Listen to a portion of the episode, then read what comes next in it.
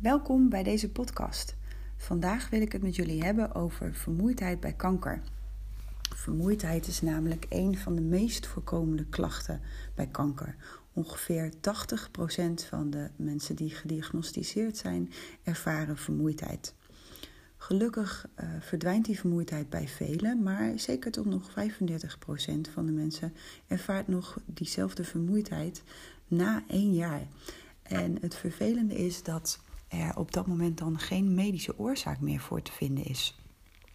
En um, nou, dat ervaren de mensen als vervelend, omdat ze ja, dan soms eigenlijk helemaal niet meer goed weten wat ze dan kunnen doen om die vermoeidheid te verminderen.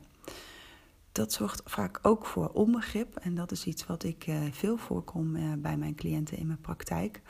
Onbegrip bijvoorbeeld van de sociale contacten, van de omgeving of van collega's van de werkgever die uh, zoiets hebben van, nou, zet je er nou maar gewoon overheen. Of misschien moet je er even doorheen.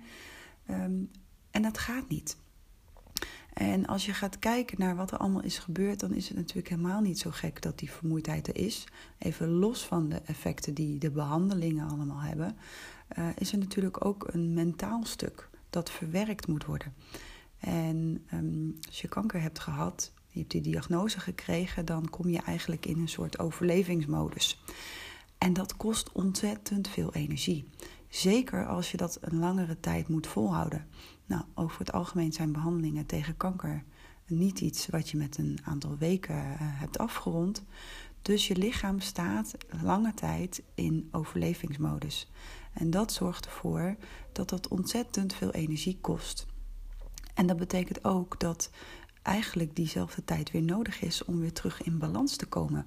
Om dat ontspanningsknopje weer te vinden in je lichaam, als het ware.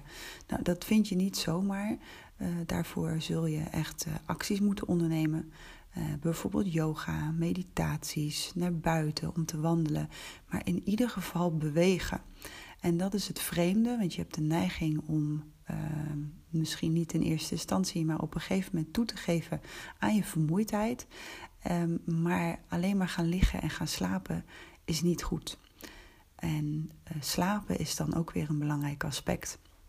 Want uh, door spanningen, zorgen, angsten zal je nachtrust natuurlijk veranderd zijn tijdens dat hele proces. En juist die nachtrust is natuurlijk ook weer zo belangrijk om terug in balans te komen, om weer energie op te doen waarmee je de dag weer door kunt komen. Dus ook uh, nachtrust speelt een hele belangrijke rol bij die vermoeidheid.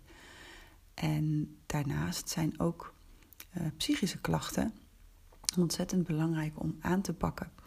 Je kunt uh, je energieniveau eigenlijk voorstellen als een soort van emmertje met nou, een bepaalde hoeveelheid water daarin. Dat is je energieniveau. En waar andere mensen die niet ziek zijn geweest, geen kanker hebben gehad, een nou, redelijk hoog niveau hebben van energie misschien, uh, ligt dat bij jou vaak al een stuk lager.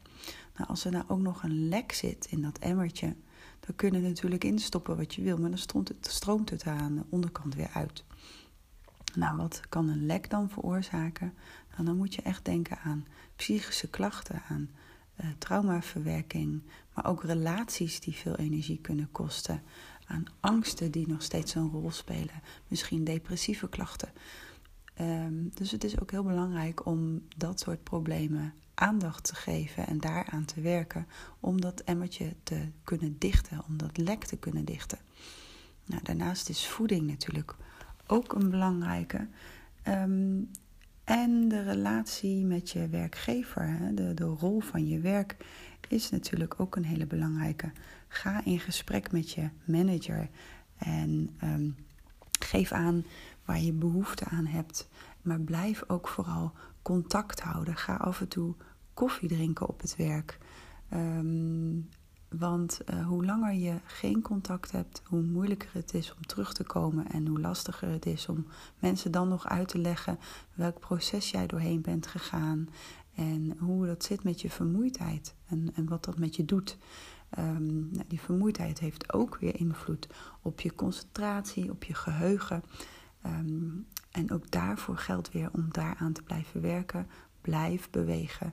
Dus het voelt soms een beetje tegenstrijdig, Maar beweging is echt wel een heel belangrijk onderdeel in het energieniveau. Nou, best veel informatie. Uh, wel dingen waar je wat mee kunt, uh, waar je zelf ook wat mee kunt. Um, maar als dat niet zo lukt, uh, aarzel dan ook niet om hulp in te schakelen. De fysiotherapeuten weten daar vaak meer van af, kunnen je daar goed in begeleiden. Maar natuurlijk is ook een psycholoog een idee. Of ga eens praten met je specialist of met je huisarts. Er zijn ook mooie apps. De Untire app is een hele mooie om te werken aan energie. Dus um, aarzel niet en schakel hulp in. Tot de volgende keer.